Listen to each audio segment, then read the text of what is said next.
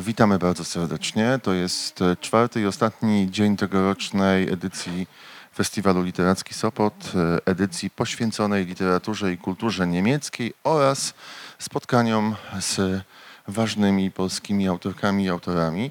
Zanim przedstawię naszego gościa i zaczniemy rozmawiać, to oczywiście jak zawsze kilka informacji technicznych. Po pierwsze, zapis naszego spotkania będzie do odsłuchania na profilu na Spotify Golki 3, a zapis wideo na profilu Golki 3 na YouTubie. E, Prośba do organizatorów jest taka, że gdyby Państwo chcieli się dzielić w mediach społecznościowych swoją wizytą tutaj i zdjęciami, to warto zadbać o hashtag literacki Sopot 2023, żeby opowieść o tych wydarzeniach niosła się w sieci. Na polski język migowy naszą rozmowę tłumaczyć będą dzisiaj Elżbieta Żurawska i Paweł Żurawski. Dzień dobry. A czwartym i ostatnim gościem naszego cyklu w tym roku w parku, cyklu pomyślonego jako e, spotkania i wydarzenia korespondujące z głównym tematem tegorocznego literackiego Sopotu, czyli e, poświęconego opowieściom o tym, co polskie, niemieckie, poniemieckie, wielokulturowe, przygraniczne, pograniczne, wymieszane i skomplikowane. Jest e, poeta i pisarz, autor powieści, za którą otrzymał w zeszłym roku Nagrodę Literatury Środkowoeuropejskiej Angelusa. Powieść nosi tytuł Pulverkopf. Proszę o owacyjne przyjęcie Edwarda Pasewicza, Dzień dobry. Który po wydarzeniach październikowych w zeszłym roku i odebraniu nagrody już nieco ochłonął. Może teraz na spokojnie rozmawiać o swojej książce. Chciałbym, Edward, byśmy zaczęli w ogóle od takiej y, rzeczy kalendarzowej. No w 2003 roku to było złożone, znaczy złożone, no wysłałem to Maćkowi Malickiemu świętej pamięci.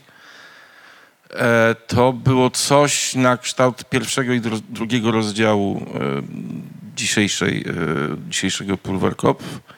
E, to było przed rozpoczęciem e, grzebania w kwerendzie na temat Norberta von Hanheima. Norbert pojawił się rok później. E, Wtedy na niego trafiłem. No i tak długo i niedługo, bo mm, kiedy się weźmie pod uwagę, ile musiałem rzeczy sprawdzić, na przykład tego, co o tym kompozytorze Norbercie von Hanheimie e, niewiele wiadomo, to znaczy i dużo, i, i, i niewiele. Zacznijmy od tego, że e, po pierwsze, znamy listę jego, e, jego kompozycji e, złożoną, złożył tę listę, e, jak wszyscy kompozytorzy, pod z powodu nakazu. e, z- To był nakaz z Muzycznej Izby Rzeszy. E, Wszyscy kompozytorzy mieli obowiązek złożyć s- listy swoich e, utworów, stąd wiemy, co napisał. Było ich 150. E, Ile się zachowało? Praktycznie w tej chwili około 40 paru w zasadzie fragmentów, możemy tak powiedzieć. Parę pieśni, cztery czy pięć kwartetów smyczkowych, głównie muzyka kameralna, trochę pieśni e, i to pieśni późnych, nie tych wczesnych. E, te wczesne są bardzo ciekawe, bo on był jednym z pierwszych kompozytorów, którzy pisali muzykę do, e, w zasadzie pierwszym, do słów e, Rainera Marii Rilkego, którego prawdopodobnie albo znał, albo nawiedził, jako, ponieważ też był poetą, więc prawdopodobnie raczej nabożnie go gdzieś tam nawiedził, w, e, w, których, w którymś z miejsc, gdzie Rilke sobie e, e, przebywał. Dodajmy tylko, wejdę ci w słowo, przepraszam, że mówimy o tym, że zachowało się bardzo niewiele utworów tego kompozytora, ponieważ partytury spłonęły razem z Berlinem w 1945 roku, prawda? No, to różne są, e, różne są historie, ale ka- ta, tak czy inaczej zaginęły. Nawet jeżeli jest taka opcja, że mm, bo on je przechowywał w banku. E, e, nawet jeżeli jest taka opcja, że zostały wywiezione przez mm, Sowietów, jak wszystko, co mm, oni wywozili, to prawdopodobnie i tak się nie zachowały albo leżą gdzieś. E, oni tam mają e, pod Omskiem takie hangary z pociągami, które są jeszcze nie rozładowane do dzisiaj. Tak. Od 45 Z naprawdę? takim autorem Herbertem Henkiem, który napisał e, coś w rodzaju biografii Norberta, ale to jest bardziej muzykologiczna biografia niż taka rzeczywista. E, fantazjowaliśmy sobie, że być może rzeczywiście w którymś z tych pociągów e, le- leżą te, e, te kasy pancerne z tego banku. Mm, Bo oni tak robili, nie otwierali tego, oni po prostu całe kasy zabierali i, ładowali na pociąg i, i na wschód. Mm. No więc istnieje taka szansa, jest bardzo niewielka, żeby te, te partytury zostały. Odkrywa się teraz jak, i- jakby nadchodzi powoli jego czas, to znaczy e, w Sibiu, w jego rodzinnym mieście się e, e, wzięto za, za jego twórczość. Rodzina Hannenheimów, e, która traktowała go jako szalonego wujka, zaczęła powoli rozumieć, kogo, kogo mieli w rodzinie. Dodajmy, że Sibiu to nie jest niemieckie miasto, prawda? Bo to jest też To jest historia... dzisiaj rumuńskie miasto, No no, ale to siedmiogród. Więc oni byli, y, Hannenheimowie byli y, jedną z tych rodzin, która zakładała y, Sybin, ówczesny Hermannstadt. No i to był taki patrycjuszowski, patrycjuszowski ród dla całego Siedmiogrodu. I mm, oni mają bardzo różną historię. No, na przykład jest taka książka, nie pamiętam autora, nigdy nie, nie mogę zapamiętać, e, m, Geköpfte Hahn, e, czyli ścięty kogut. E, To jest znowu historia o tym, jak oni nieładnie e, m, współpracowali z nazistami podczas, e, podczas II wojny światowej. Więc rodzina nie dość, że bardzo rozległa, to bardzo różne, różne losy. Jedni współpracują z hitlerowcami, a drudzy jakby przez nich umierają i są mm, gnojeni. W tym przypadku mówię o Norbercie, który trafił do szpitala w Mezeritz Obrawalde e, z dwóch powodów w zasadzie. Jeden e, to był taki, że był gejem mm, i, i to było jasne dla, e, dla, dla wszystkich. Drugi był, że był schizofrenikiem. E, Co do jego schizofrenii, to trudno, e, trudno oceniać, ponieważ e, w szpitalu Mezeritz Obrawalde mm, bardzo wiele osób y, mm, lądowało za poglądy polityczne, nie, nie tylko z powodów y, chorób. E, Ludzie wtedy głodowali, a choroba głodowa bardzo przedłużona daje efekty, które są podobne do y, psychozy, na przykład maniakalno-depresyjnej. W związku z tym e, Norbert na pewno miał chorobę głodową, no bo nie zarabiał.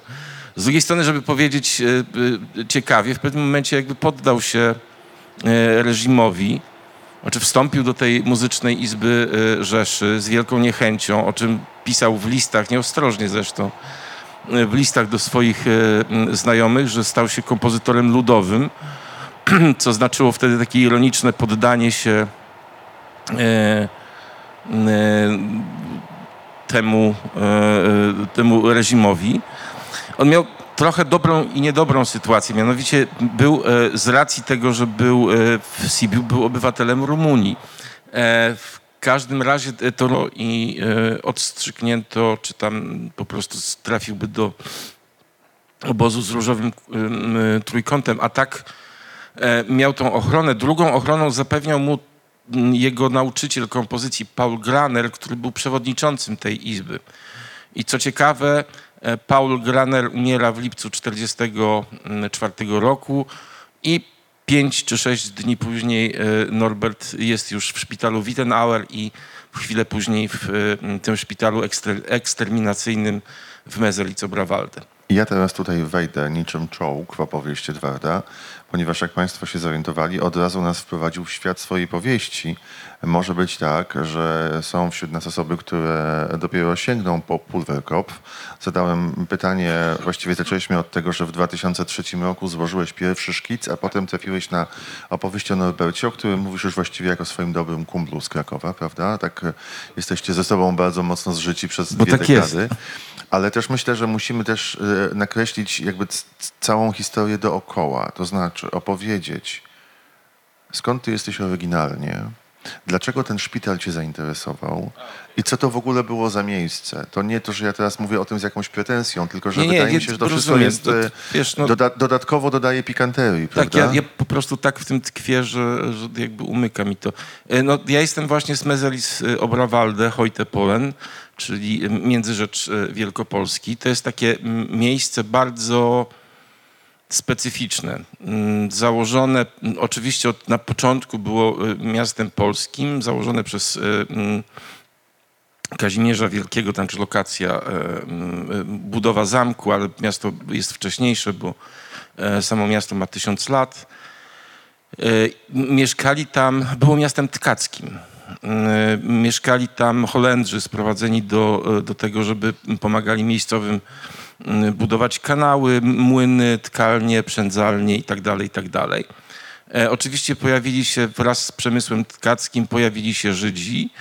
E, W Międzyrzeczu e, hodowano specjalną odmianę owcy, e, której wełna czymś się tam charakteryzuje. W Muzeum Międzyrzeckim jest cała, e, cały dział poświęcony temu e, tkactwu. E, Dość powiedzieć, że te płótna były dość e, słynne i drogie do tego stopnia, że handlowano z nimi, e, nimi w Chinach. Miały specjalny znak chiński, nazywał się mezeriko. Po prostu miały bardzo wysoką jakość. Jakiś tam, ja się naprawdę nie znam na tkactwie, ale tam jest jakiś taki specjalny splot, który oni stosowali. E, To się różniło od, ten materiał prawdopodobnie był trwalszy i, tak dalej, i tak dalej. E, Miasto leży na wprost jakby takiej linii komunikacyjnej, czyli Berlin, e, Warszawa, Wilno, Moskwa. Więc bardzo, bardzo fajny szlak. Z Moskwy można to eksportować dalej. Mówię o Berlinie tylko, bo przecież do, do Berlina jeszcze i, i, są. E, Jest też niedaleko Wrocław. E, No, to, to jest takie dość dobre e, miejsce. Z, wraz z tymi uwarunkowaniami międzyrzecza takimi kupieckimi pojawiły się takie dość bogate rodziny. Jedna z nich to była rodzina Welmerów i jeden z ich przedstawicieli w czasie wojny, wojen napoleońskich, jak każdy porządny e, mezelicer, ponieważ mm, wykształcił się tam taki specyficzny e, rodzaj hajmatu. Mm, e, Zarówno Polacy, jak i Niemcy, jak i Żydzi, jak i Holendrzy, to wszystko się pomieszało i oni zaczęli jakby mówić o sobie, że są mezelicer. To miasto dokładnie pół po połowie e, swojego czasu istnienia leżało w granicach Polski, po połowie w granicach Prus. E, Więc to, tak, e, a, a mimo to jakby się zapytało w latach powiedzmy dziesiątych, jedenastych czy dwudziestych jeszcze, bo w trzydziestych już nie, dwudziestych jeszcze, e, jakiej kto jest narodowości, to było pierwsze, pierwsza odpowiedź padłaby, że mezelicer, mm, czyli międzyrzeczanin, krótko, e, krótko mówiąc. Większość osób mówiła w e, obu językach, czyli i po niemiecku, i po, i po polsku. E, To, to też bardzo taki specyficzny element. No i mm, mm, wróćmy do tego Welmera na chwilę, bo to jest bardzo, e, bardzo ciekawy e, element. E, Jan Jakub Welmer handlował ze wszystkimi stronami e, konfliktu. To znaczy sprzedawał sukno zarówno Napoleonowi, e, carowi, jak i królowi Prus. E, A nie, a nie tylko królowi e, Prus. W każdym razie e, jego majątek e, był gigantyczny. Mm.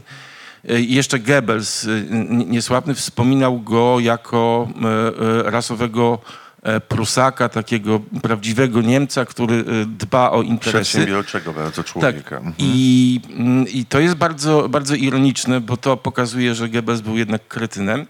Albowiem mm, Jan Jakub Welmer zrobił taką e, bardzo prostą e, rzecz. E, Mianowicie umierając ustanowił e, fundację, zabezpieczył swoje dzieci, to mm, córkę w zasadzie jedyną, e, zabezpieczył ją e, e, tak porządnie ale z reszty majątku uczynił fundację i ta fundacja miała e, trzy, trzy, cele. Jeszcze za życia e, Welmer wybudował trzy szpitale. Szpital ewangelicki, szpital katolicki i szpital żydowski. Ta fundacja miała na celu utrzymywanie wszystkich tych trzech szpitali.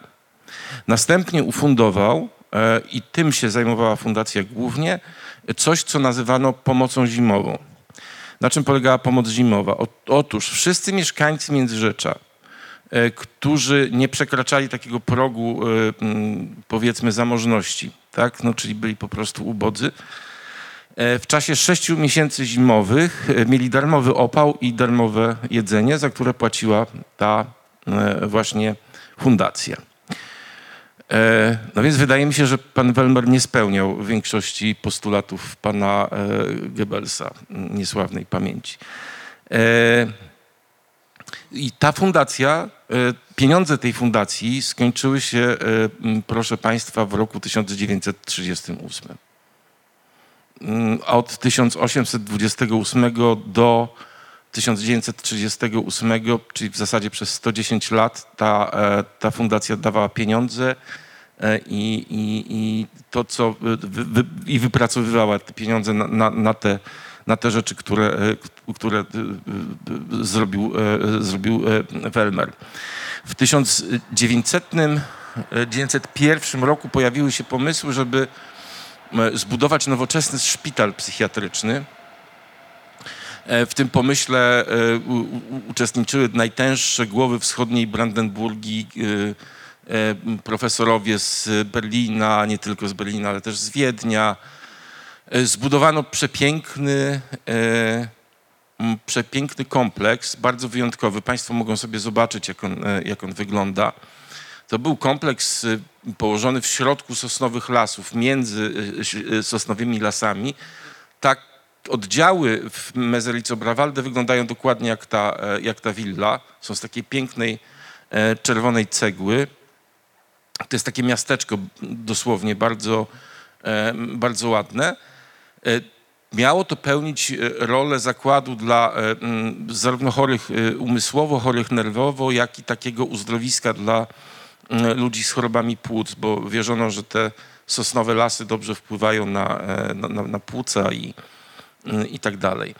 I ta idylla trwała oczywiście do y, roku e, 38, kiedy e, Niemcy zaczęli, znaczy naziści zaczęli eksperymentować z e, sposobami uśmiercania mm, osób niepełnosprawnych, a więc e, przeszkadzających e, machinie Rzeszy w e, prowadzeniu, przygotowywaniu się do wojny wtedy, a później już w prowadzeniu Chodziło o życie nie nadające się albo niegodne życia, prawda? Takich używano słów Tak. wtedy.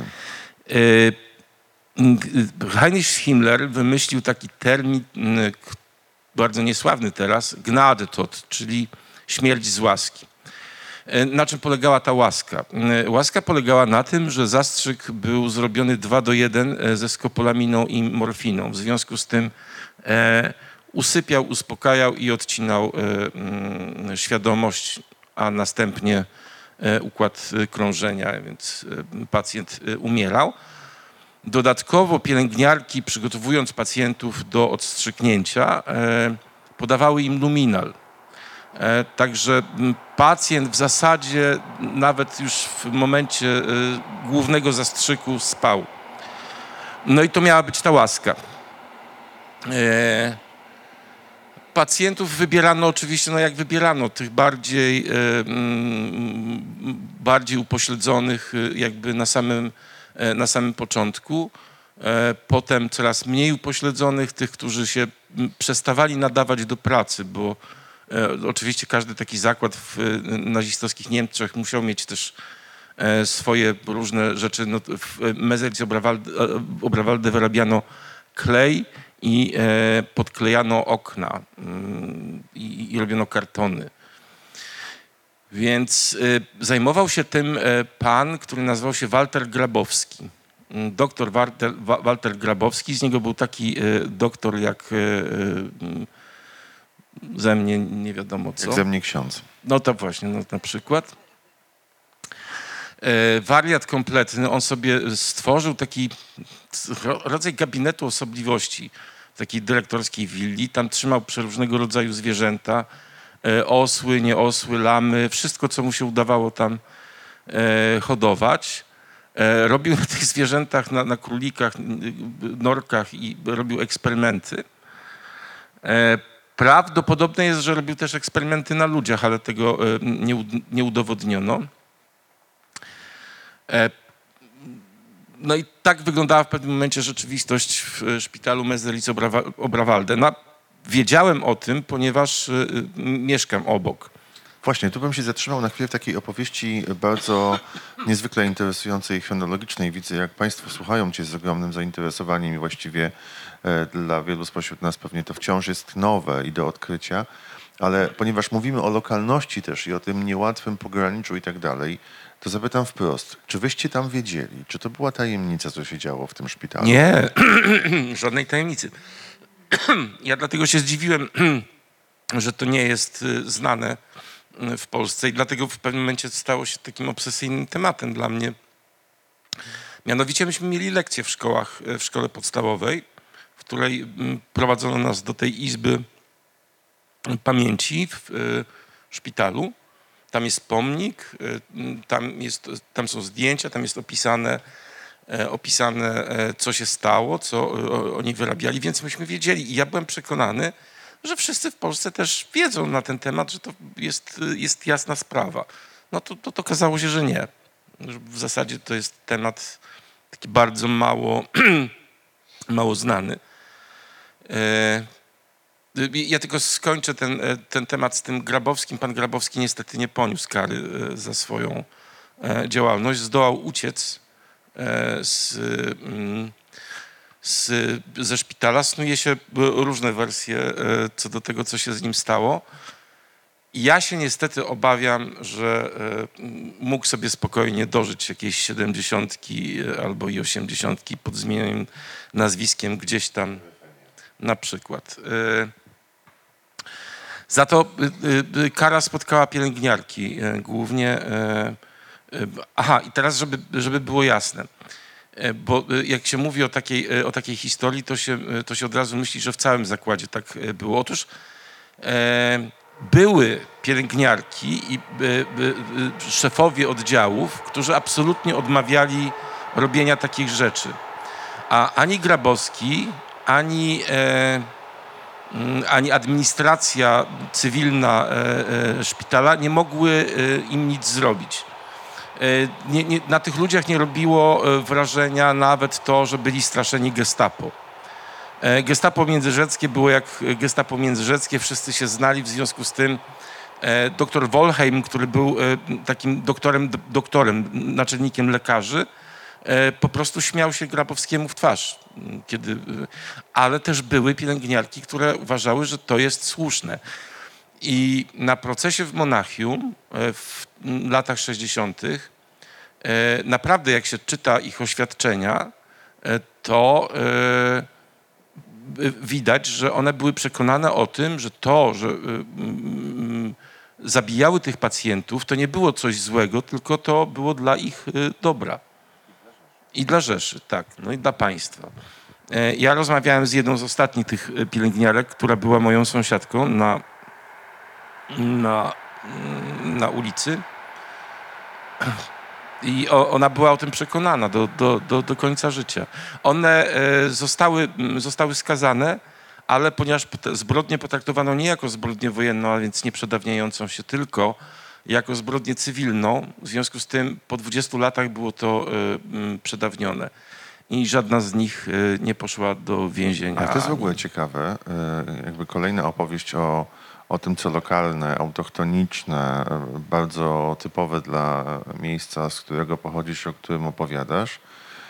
Jak to jest w ogóle możliwe, zapyta ktoś, że te osoby skazane wyrokiem, prawda, uśmiercające pacjentów w szpitalu w ramach wiadomej akcji, one sobie spokojnie dożywały starości w tym miejscu. E, Pani M, nie, nie będę mówił e, nazwiska, ta, która była skazana w e, Monachium, mieszkała na początku ulicy, a najlepsza koleżanka mojej babci, zwana też panią Niemrą, która właśnie była jedną z tych pielęgniarek, które absolutnie kategorycznie odmówiły i wy- występowała jako świadek na, jako świadek oskarżenia na tym, e, na tym procesie w Monachium. Mieszkała na końcu ulicy. I e, one potrafiły sobie siedzieć na ławeczce i e, gadać. Nam się może to nie mieścić w głowie, ale myślę, że one jakiś musiały zastosować mechanizm psychologiczny. Dla mnie niejasny, przyznam.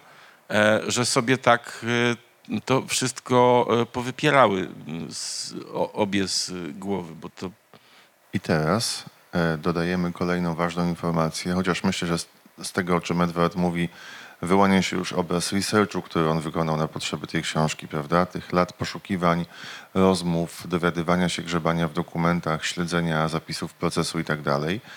Mówimy o konkretnym miejscu na mapie i o konkretnym szpitalu, dlatego, że okazuje się w pewnym momencie, i to też jest jedno z odkryć, które przychodzi do ciebie w czasie pracy nad Pulverkopf, że Norbert von Hannenheim, który był kompozytorem, o którym na lata zapomniano, którego większość dzieł stracono, no podejrzewano, że on zginął w czasie bombardowań w Berlinie w 1945 roku. Tymczasem on A umiera tymczasem tym okazało się, że e, Robert e, e, e, trafił do szpitala w Mezelice-Oberwalde w lipcu 1944 roku. E, W styczniu e, już weszli tam e, Rosjanie, więc Norbert przeżył. Udało mu się przeżyć. Niestety w lipcu 1945 roku Rosjanie oddali, oni się w ogóle nie zajmowali pacjentami, to znaczy pacjenci zrobili sobie tam jakby własny zarząd, trochę szpitala, trochę, trochę sami sobą się opiekowali. W pewnym momencie przyszła administracja polska i stało się to, co się stało, czyli e, część pacjentów zwolniono, no bo trzeba było e, jakby zrobić miejsce dla pacjentów e, z Polski ze wschodu. Mm, No bo niestety wtedy mnóstwo było pacjentów po traumach i, i, i wiadomo. Więc jakby ci lżej chorzy pacjenci zostali puszczeni i oni mm, na własną rękę w zasadzie szli sobie w kierunku e, Niemiec. No ale coś trzeba było zrobić z tymi, e, którzy, e, e, którzy byli ciężej chorzy. No i niestety do tych ciężej chorych zaliczał się już wtedy e, Norbert. Otóż e, pierwsze, na czym zaoszczędzono, to były leki. Mm, Przestano, no bo nie było tych leków dla, e, dla Niemców, a Niemców, niezależnie od tego, czy byli oprawcami, czy ofiarami, traktowano jako Niemców wtedy, no niestety. E, takie, t- takie prawo, prawo zemsty. E, następnie niestety ograniczono im racje żywnościowe. E, No i kiedy ograniczono im racje żywnościowe, nastąpiła fala zgonów, no bo cóż innego. E, No i 29 września o godzinie 23 źle zapisany w księdze e, zgonów, e, zapisany jego Robert Hammerkeim, e, Norbert von Hannenheim umiera. Mm, To się wtedy nazywało enigmatycznie osłabienie serca. Mm. No i tak to się, tak to się potoczyło. To znaczy, w tym momencie, kiedy już się o tym dowiedziałem, to wiedziałem, że to jest taka postać, którą zmiażdżyły dwie wojny. W zasadzie pierwsza wojna e, światowa go e, zmiażdżyła, bo, Bo on był na froncie. bo był na froncie i e, był ranny na tym froncie w skroń, co spowodowało, teraz uwaga, miał syndrom sobowtórzenia. To znaczy widział swojego sobowtóra. Tak się dzieje przy, przy urazach lewego płata skroniowego i nie zawsze, ale, ale, ale, ale czasami. E, mm, i, i, to jest taka, e, taka historia, że przez e, to sobowtórzenie miewał takie wrażenie, że część jego muzyki mm, pisze, pisze właśnie ta jakby zła część jego osobowości, co spowodowało na przykład, że mm, rękopis szóstej symfonii chciał spalić. Znaczy zniszczyć na szczęście jego, jego pani. Jak się mówi? Konsjerżka, tak. E, Uratowała to, to z dymu. Jak się Norbert uspokoił, to, mm, to, to e, zaakceptował te To znaczy, że ten zły Norbert to Tak. napisał, tak? Mhm. E, To się u niego nasiliło w momencie, kiedy poszedł na ten układ z, mm, z nazistami, to znaczy układ, no jakby wstąpił do tej Izby Rzeszy. Nasiliło się do tego stopnia, że napisał takie zdanie, że wszystkie diabły brzmią e, teraz w C-dur. Dlaczego tak e, napisał, to może być niejasne. Otóż dlatego, że Horst Wessel-Lied jest, e, był grany najczęściej w C-dur. Ta pieśń jest napisana w e, oryginale w B-dur, ale dla śpiewania łatwiej się śpiewa w, w. W związku z tym oni e, jakby transponowali e, to. Dlatego dla Norberta ta tonacja i ten akord e, był, była tonacją diabelską. Za chwilę, proszę Państwa, wrócimy do kwestii muzycznych, bo jak Państwo słyszą, e, Edward jest nie tylko poetą, pisarzem, gawędziarzem, e, researcherem, ale także kompozytorem. E, Ale chciałbym, byśmy teraz wrócili jeszcze do tego, co lokalne. W czasie poprzednich spotkań tutaj w ramach cyklu próbowaliśmy też opowiedzieć o tym, jak miejsce pochodzenia, ludzie, których spotykało się w okresie dojrzewania, no, wpłynęli, warunkow, warunkowali, warunkowało to życie dorosłe osób, które były na scenie. I właściwie co y, to życie dorastanie na niełatwym terenie przygranicza, pogranicza oznaczało, oznacza dla poszczególnych gości tej sceny. Więc także Ciebie bym chciał zapytać, y, y, jakie było to Twoje życie i dorastanie tam, skoro opowiadasz, że miasto jest takim no, konglomeratem różnych narodowości, e, religii, właściwie czymś zupełnie osobnym, enklawą, e, że właściwie można powiedzieć, że bycie autochtonem tam znaczy coś innego niż w przypadku podobnych sytuacji okołowojennych, prawda? Więc były dwie bandy. Jedna banda to była banda wojskowych. Tam była jednostka wojskowa i dzieciaki od wojskowych to była banda wojskowych. Myśmy ich nienawidzili. E, niestety y, ich część miasta była jakby taką, no zajmowała część naszych terenów, e, czyli e, południe Międzyrzecza i to myśmy byli tą bandą właściwą, tą, tą, bandą Mezelicer. Żeby pójść do szkoły numer 3, musieliśmy robić takie zakole, żeby nie przechodzić przez bloki, no bo tam byli wojskowi. Nie, nie, nie. Radzieckie wojska były w Kęszycy, e, ale te, to były polskie wojska i mm, po prostu mm, na ten, e, w, Ale ludowe. Ludowy, tak.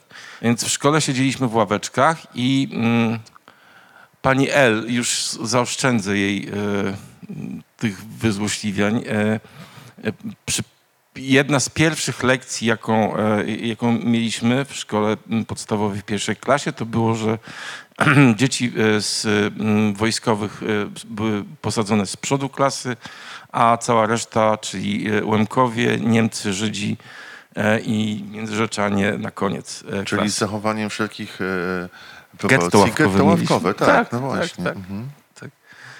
E, Nie wiem po co ona to zrobiła, tylko ja to zapamiętałem, bo to, bo to było takie. e, mm, No i myśmy się po prostu tłukli, te dwie, dwie bandy.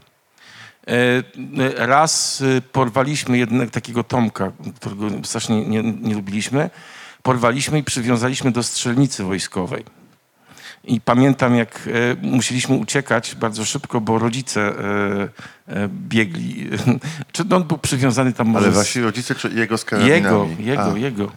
No bo ta strzelnica wojskowa była przy jednostce, więc któryś z tych strażujących żołnierzy powiedział, że właśnie przywiązujemy jakiegoś kolesia do, do strzelnicy wojskowej. Nie wiadomo, co chcemy z nim zrobić, ale nie wyglądało to nieźle. No i musieliśmy zmykać przez pola PGR-owskie i potem e, jakoś się dostać e, do domu, bo zrobiono obławę na nas oczywiście. E, No i tak dostaliśmy. Nie wiem, czy to jest odpowiedź na pytanie, jak na ciebie wpłynęło, jak cię ukształtowało życie tam, no ale ukształtowało mnie, ukształtowało mnie w ten sposób, że jakby wiesz, długo wydawało mi się, że Międzyrzecz jest takim zaściankiem, taki jest wieśniacki i, i- i nie wiadomo co. Ale w pewnym momencie odkryłem, że to jest właśnie takie bogactwo. Jest tutaj wiele opowieści, one leżą, e, leżą e, na ziemi, trzeba i można je pozbierać. E, Więc dlaczego tego nie zrobić? No i dlatego w pewnym momencie jakby ten pulwerkop się pojawił. No i to miasto jakby A o czym to miała być książka, zanim wpadłeś na Norberta? To miała być książka między innymi o tej, o tej bandzie. To książka zaczynała się od tego, że e, upalony trawką Patryk Werchund słyszy z jednego brzegu rzeki e, Bakunin, a z drugiego brzegu rzeki Kropotkin. A on na łódce, e, na ten, to miała być taka bajkowa, baśniowa opowieść, póki się nie, nie pojawiły inne, e, inne rzeczy. Czyli właściwie bardzo to silnie ewoluowało w trakcie pisania, prawda? No ja myślę, że dzisiejszy Pulwerkopf, ten ostateczny, nijak się ma do m, pierwotnego pomysłu. Znaczy został tylko tytuł. To teraz, e, ponieważ patrzę na zegarek, mamy mniej więcej godzinę na rozmowę, wątków jest bardzo dużo, a jeszcze będą pytania od Państwa, bym chciał przejść do warstwy muzycznej opowieści, bo mniej więcej o co chodzi w tej książce, albo kto jest bohaterem i wokół czyjej historii to się toczy, to już wiemy. Natomiast wspomniałem o tym, że jesteś też e, kompozytorem, bo trudno nie wziąć Pulverkopf. Odmieniasz to czy nie? Pulverkopf? Można odmieniać, no. Okej.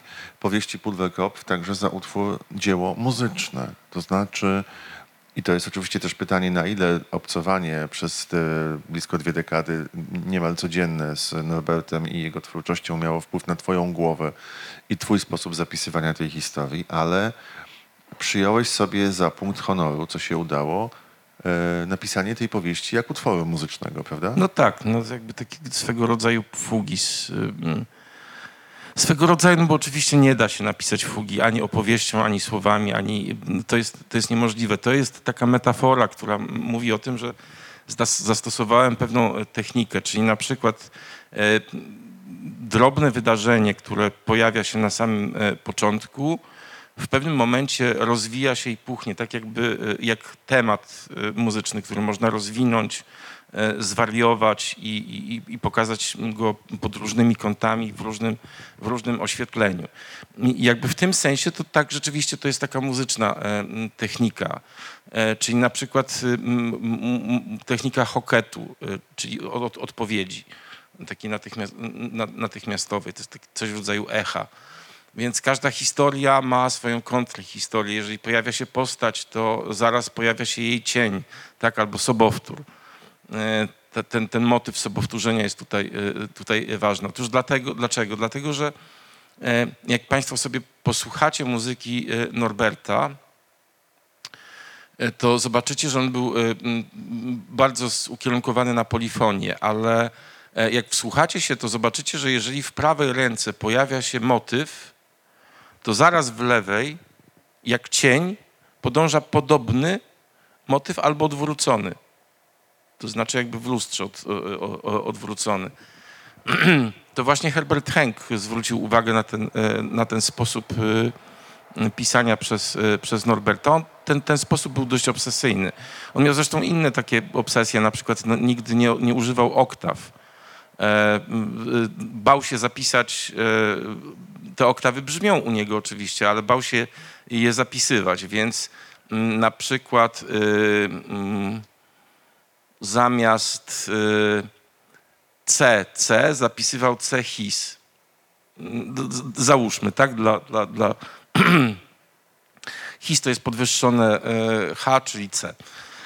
No więc jak sobie tak e, przemyślałem, to pomyślałem sobie, że można te, e, te, te jego obsesje i te jego techniki e, muzyczne jakby w, e, przełożyć luźno, bo luźno, ale przełożyć na, na, na, na sposoby, sposoby pisania. No jak mówisz, chyba się udało. Dobrze, ale to ja rozumiem założenie, taka fantazja pisarza, żeby napisać powieść jak dzieło muzyczne, ale przecież potem, skoro utwór muzyczny ma jakiegoś rodzaju założenia, to znaczy, że trzeba też zapis tego utworu i rozwijanie się historii dopasować do tych założeń, prawda? No tak. W każdym razie e, no, książka ma swoją strukturę. To jest, e, to jest e, oczywiście. No i to jest taka struktura, która jest strukturą jak w fudze albo w alegrze sonatowym. Więc najpierw mamy podane wszystkie tematy. Następnie jest ta część, która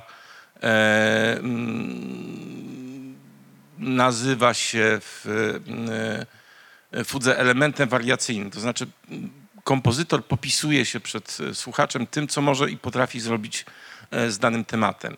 E, I w tej roli ty. Tak. I, I to jest taki moment, na przykład w, fuba, w fugach Bacha on jest y, ograniczony, ale już w, fu, w fugach Szymanowskiego na przykład Państwo mogą sobie wysłyszeć, e, że y, y, dzieją się tam różne rzeczy, na- nawet zupełnie niepolifoniczne. Pojawiają się jakieś takie ciężkie akordy i tak dalej. Ta, ta, ta fuga rośnie, a potem jest stretto, czyli przyspieszenie.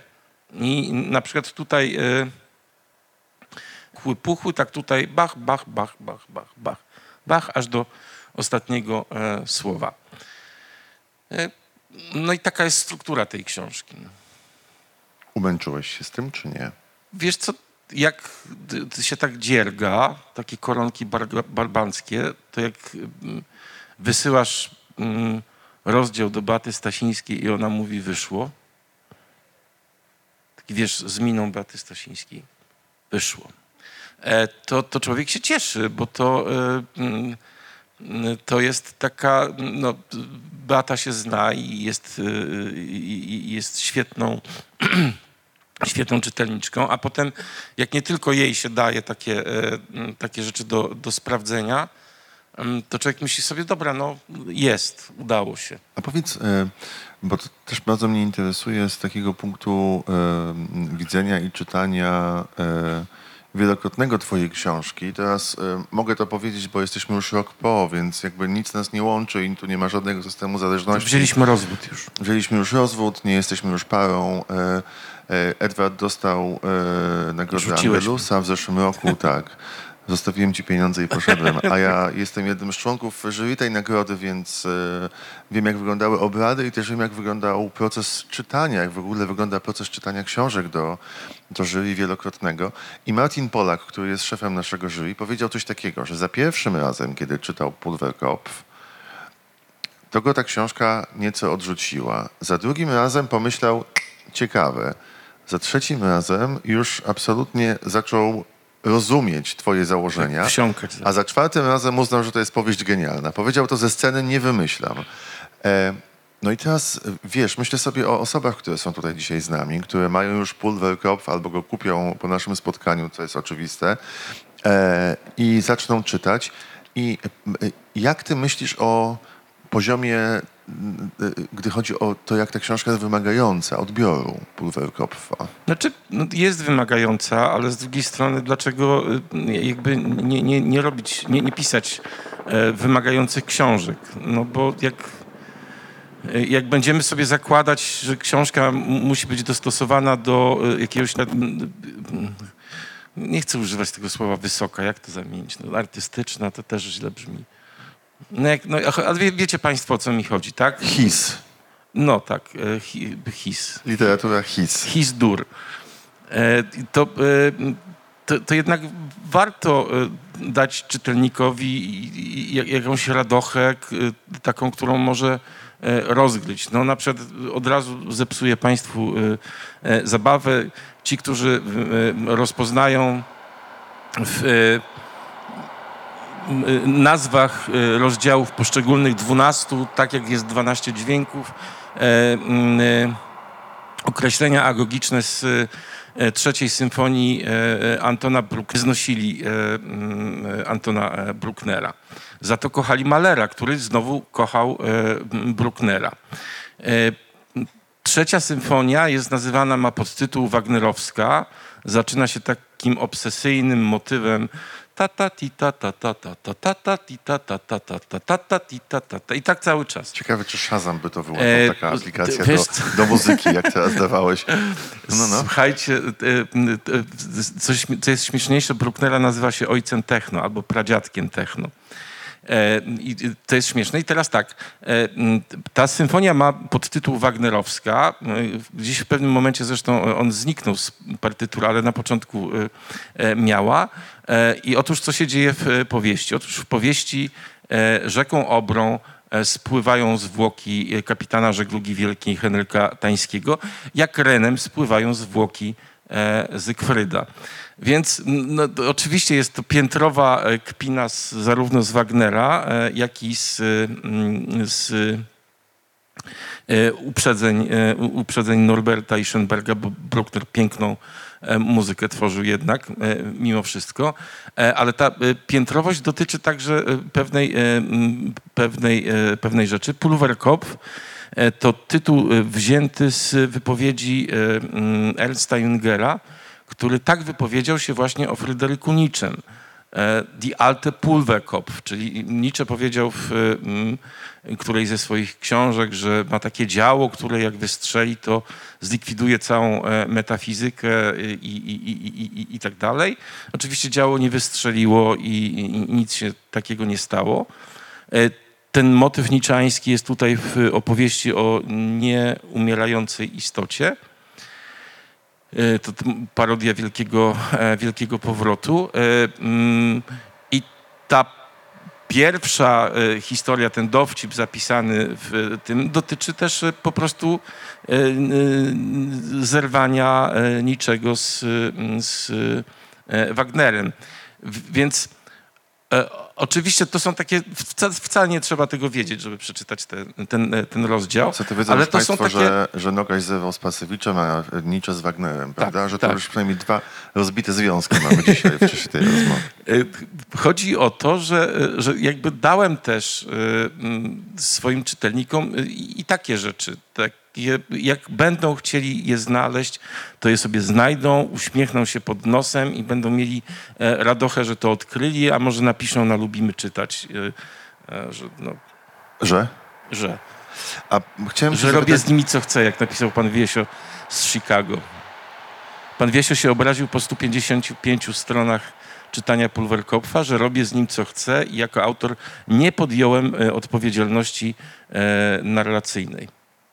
A to jest źle, że autorka albo autor robi z czytelnikiem co Ja chce. Ja wiem. myślałem, że to o to chodzi właśnie. To musimy żeby- pana Wiesia zapytać z E, Chicago. Chciałem cię o jeszcze jedną rzecz zapytać, zanim oddamy powoli głos e, osobom na widowni, o e, jakiś rodzaj też misji. Bo ja myślę że też o tej książce jako o rodzaju oddania hołdu, ale też sprawiedliwości i w ogóle poruszenia tematów e, być może wciąż zbyt mało obecnych e, w literaturze i w ogóle w rozmowie. Pierwszy temat to jest oczywiście e, sprawa co nie tylko tobie, ale myślę wielu spośród nas jest niezwykle, e, dl- dla ciebie i dla wielu spośród nas jest niezwykle ważne, to znaczy opowieści o losie osób nieheteronormatywnych w czasach No właśnie, bo Rzeszy. to jakby ta cała historia mojego obsesyjnego, bo ja bardzo długo nie rozumiałem, co się tam tak naprawdę działo. Na przykład dowiadywałem się, że Norbert miał dwa mieszkania. E, Przy czym w jednym mieszkał jakiś krawiec, młody krawiec. Pod, jak, człowiek, który z jednej strony e, głoduje, z drugiej strony nagle okazuje się, że ma dwa mieszkania, to znaczy dwa pokoje. Dzieli ten jeden pokój z e, jakimś krawcem. Nie, nie bardzo mi się mieściło. Dopóki nie trafiłem na zdanie, które napisał jego mm, przyjaciel w takim eseju, Grandewic, e, w takim eseju e, Więcej o nim e, nie wiemy niż wiemy.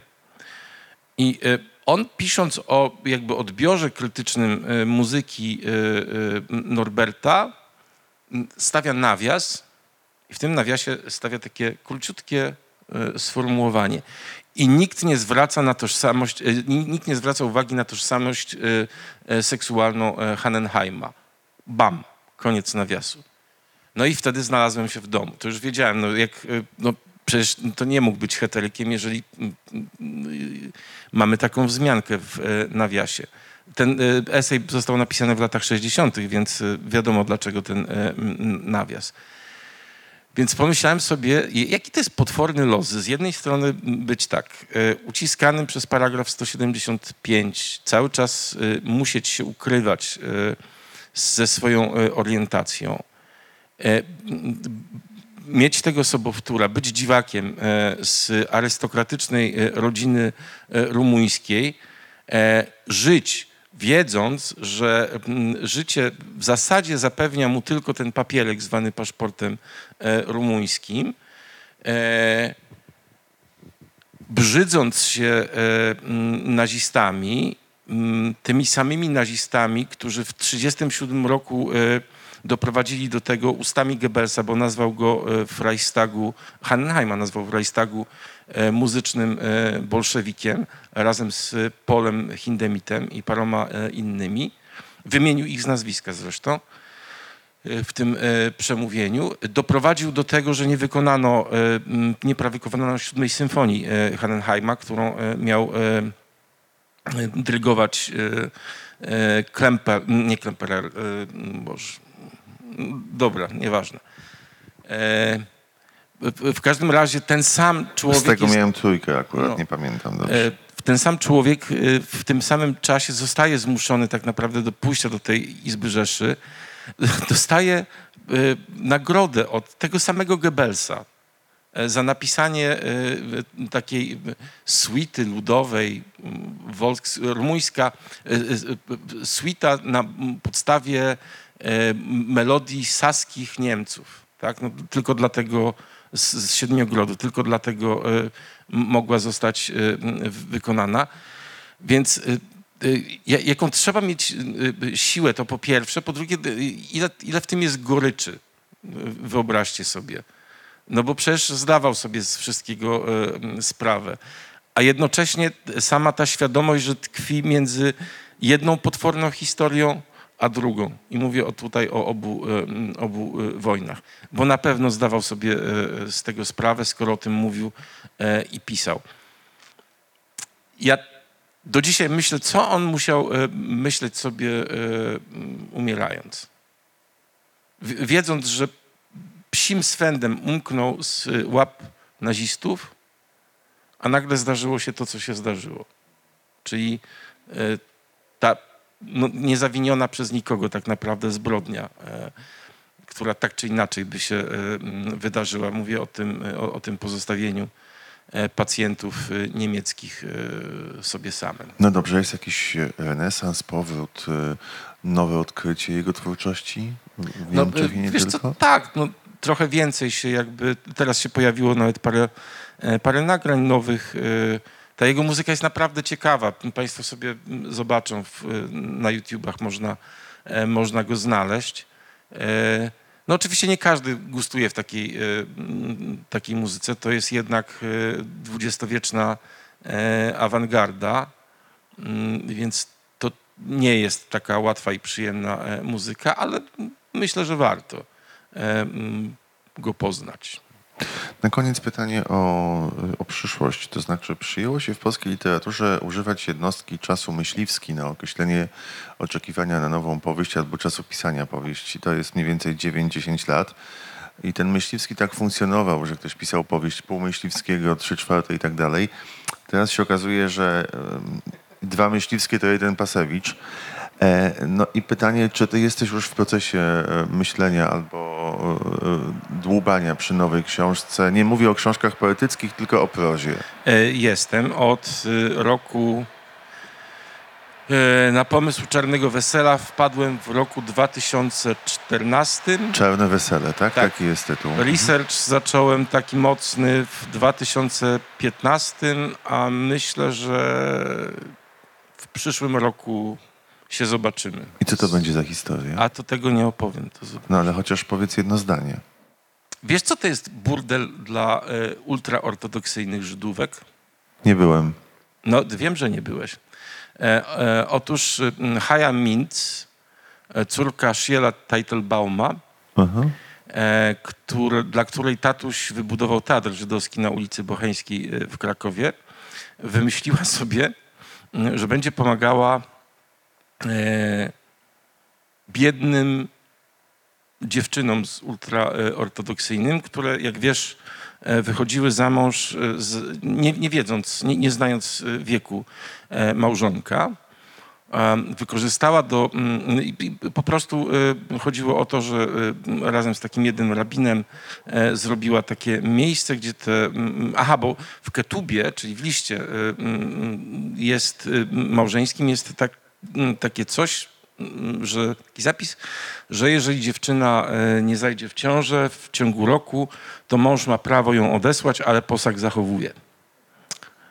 Bardzo wielu starszych panów y, mm, w ten sposób dorabiało się y, majątku.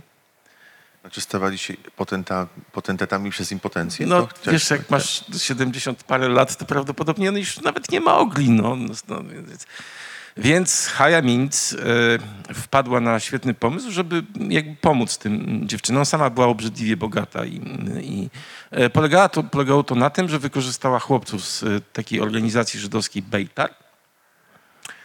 I ci chłopcy jakby, to jeden z Że wątków. się narobisz przy tej powieści. Nie, to, to akurat już zrobione dawno. No dobrze, to w takim razie Czarne Wesele w najbliższych miesiącach albo latach Edward nam podaruje do czytania. A teraz jeszcze jesteśmy głową w Pulwerkopfie i e, wokół tej książki rozmawialiśmy. Czy Państwo chcieliby o coś Edwarda zapytać w związku z e, tą niezwykle jakąś fascynującą opowieścią, poza przedstawioną w książce, ale także dzisiaj? To nie musi być test wiedzy muzycznej, od razu powiem. E, Ja chciałam zapytać, ale tak na dobrą sprawę to proszę nie odpowiadać, jeżeli. Znaczy, bo jestem w trakcie czytania książki. Jeżeli na końcu się pojawia odpowiedź, albo może wcześniej ja przegapiłam, bo to jest dla wymagających, znaczy wymagająca dla, od czytelników, więc e, mogę nie sprostać. Znaczy, chodzi mi o te znaki, których bab, babcia używała, bo to chyba nie jest greka do końca, nie? Znaczy, To jest greka, tylko to są liczebniki greckie. Stare, starogreckie liczebniki. To jeszcze, jeżeli mogę, drugie pytanie, czy ta muzyka to jest dodekafoniczna? To, to... Pękł system tonalny i Alban Berg napisał e, swoje pierwsze utwory, e, czyli at, utwory atonalne.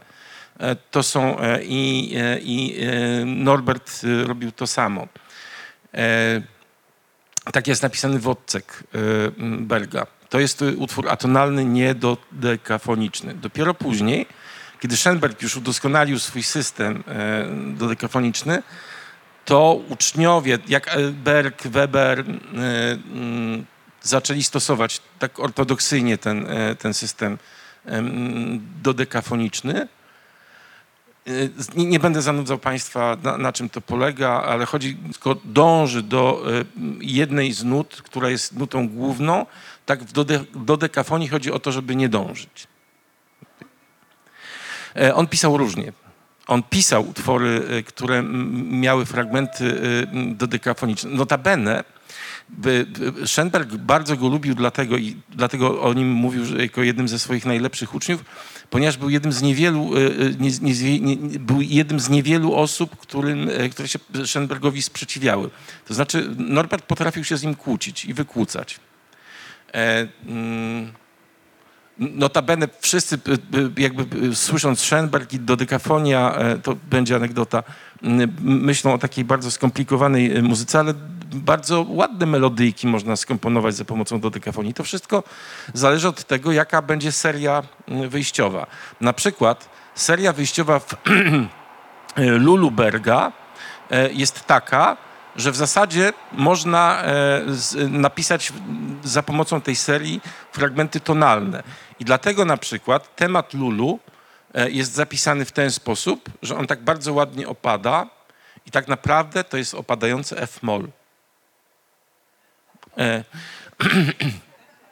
taki F-moll to Chopinowska taka tonacja bardzo. On, on bardzo. Uspokoiłeś mnie bardzo, że opadający F-moll to jest właściwie... Każdym razie. Żeby każdemu tak F-moll opadał jak tobie, Edward, to naprawdę byłoby wspaniałe, muszę powiedzieć. No dlatego zerwaliśmy, bo mi opadł F. To strasznie ci F-moll opadał. E, Człowiek z opadającym F-mollem. Czy ktoś jeszcze chciałby o coś zapytać, proszę państwa, Edwarda? Bo jeżeli nie, to, to będziemy kończyć, dlatego że też kolejne są wydarzenia, a jeszcze czeka nas podpisywanie. I chcę powiedzieć, że e, podpisywanie odbędzie się właściwie e, w, no, w dwóch miejscach i na dwa sposoby. Jeżeli Państwo mają książkę ze sobą teraz, to tutaj Edward na chwilę zostanie, a jeżeli chcieliby Państwo kupić Pulverkopf, to na targach książki jest stoisko wielkiej litery i tam Edward się przemieści i będzie można wziąć autograf na miejscu. Także bardzo serdecznie polecam i zachęcam oczywiście. E, dziękując też za kolejny rok spotkań w ramach tego cyklu. E, mam nadzieję, że za rok spotkamy się po raz e, kolejny. W przyszłym roku mm, mottem, tematem przewodnim literackiego Sopotu jest region Bałtyk, więc zobaczymy, jak nam się tutaj ułożą te spotkania, czy uda się je jakoś tematycznie e, dołączyć, dobudować. Poproszę o brawa dla pani Elżbiety i pana Pawła Żurawskich, którzy przekładali na polski język migowy C, his i opadający F-moll oraz bach, bach, bach, bach, bach. E, bardzo dziękuję za te cztery dni, które spędziliśmy razem i poproszę o wielkie brawa dla ostatniego gościa, Edwarda Pasewicza. W przyszłym roku, jak się pojawi Czarne Wesele, załatwimy takie strefy smogu, żebyś mógł na przykład takie kabiny smogu, żebyś mógł się zamykać i ewentualnie przeniesiesz się tak e, oddechowo do Krakowa i wtedy jod nie będzie ci szkodził. To jesteś wyjątkiem od reguły, że jod pomaga, muszę ci powiedzieć. Bardzo dziękujemy. Kłaniamy się, do widzenia. Mamy nadzieję, że Ci się podobało. Poleć nas znajomym. Oceń w serwisach streamingowych. Twoja opinia jest dla nas ważna. Dzięki niej możemy się rozwijać i tworzyć kolejne materiały audialne.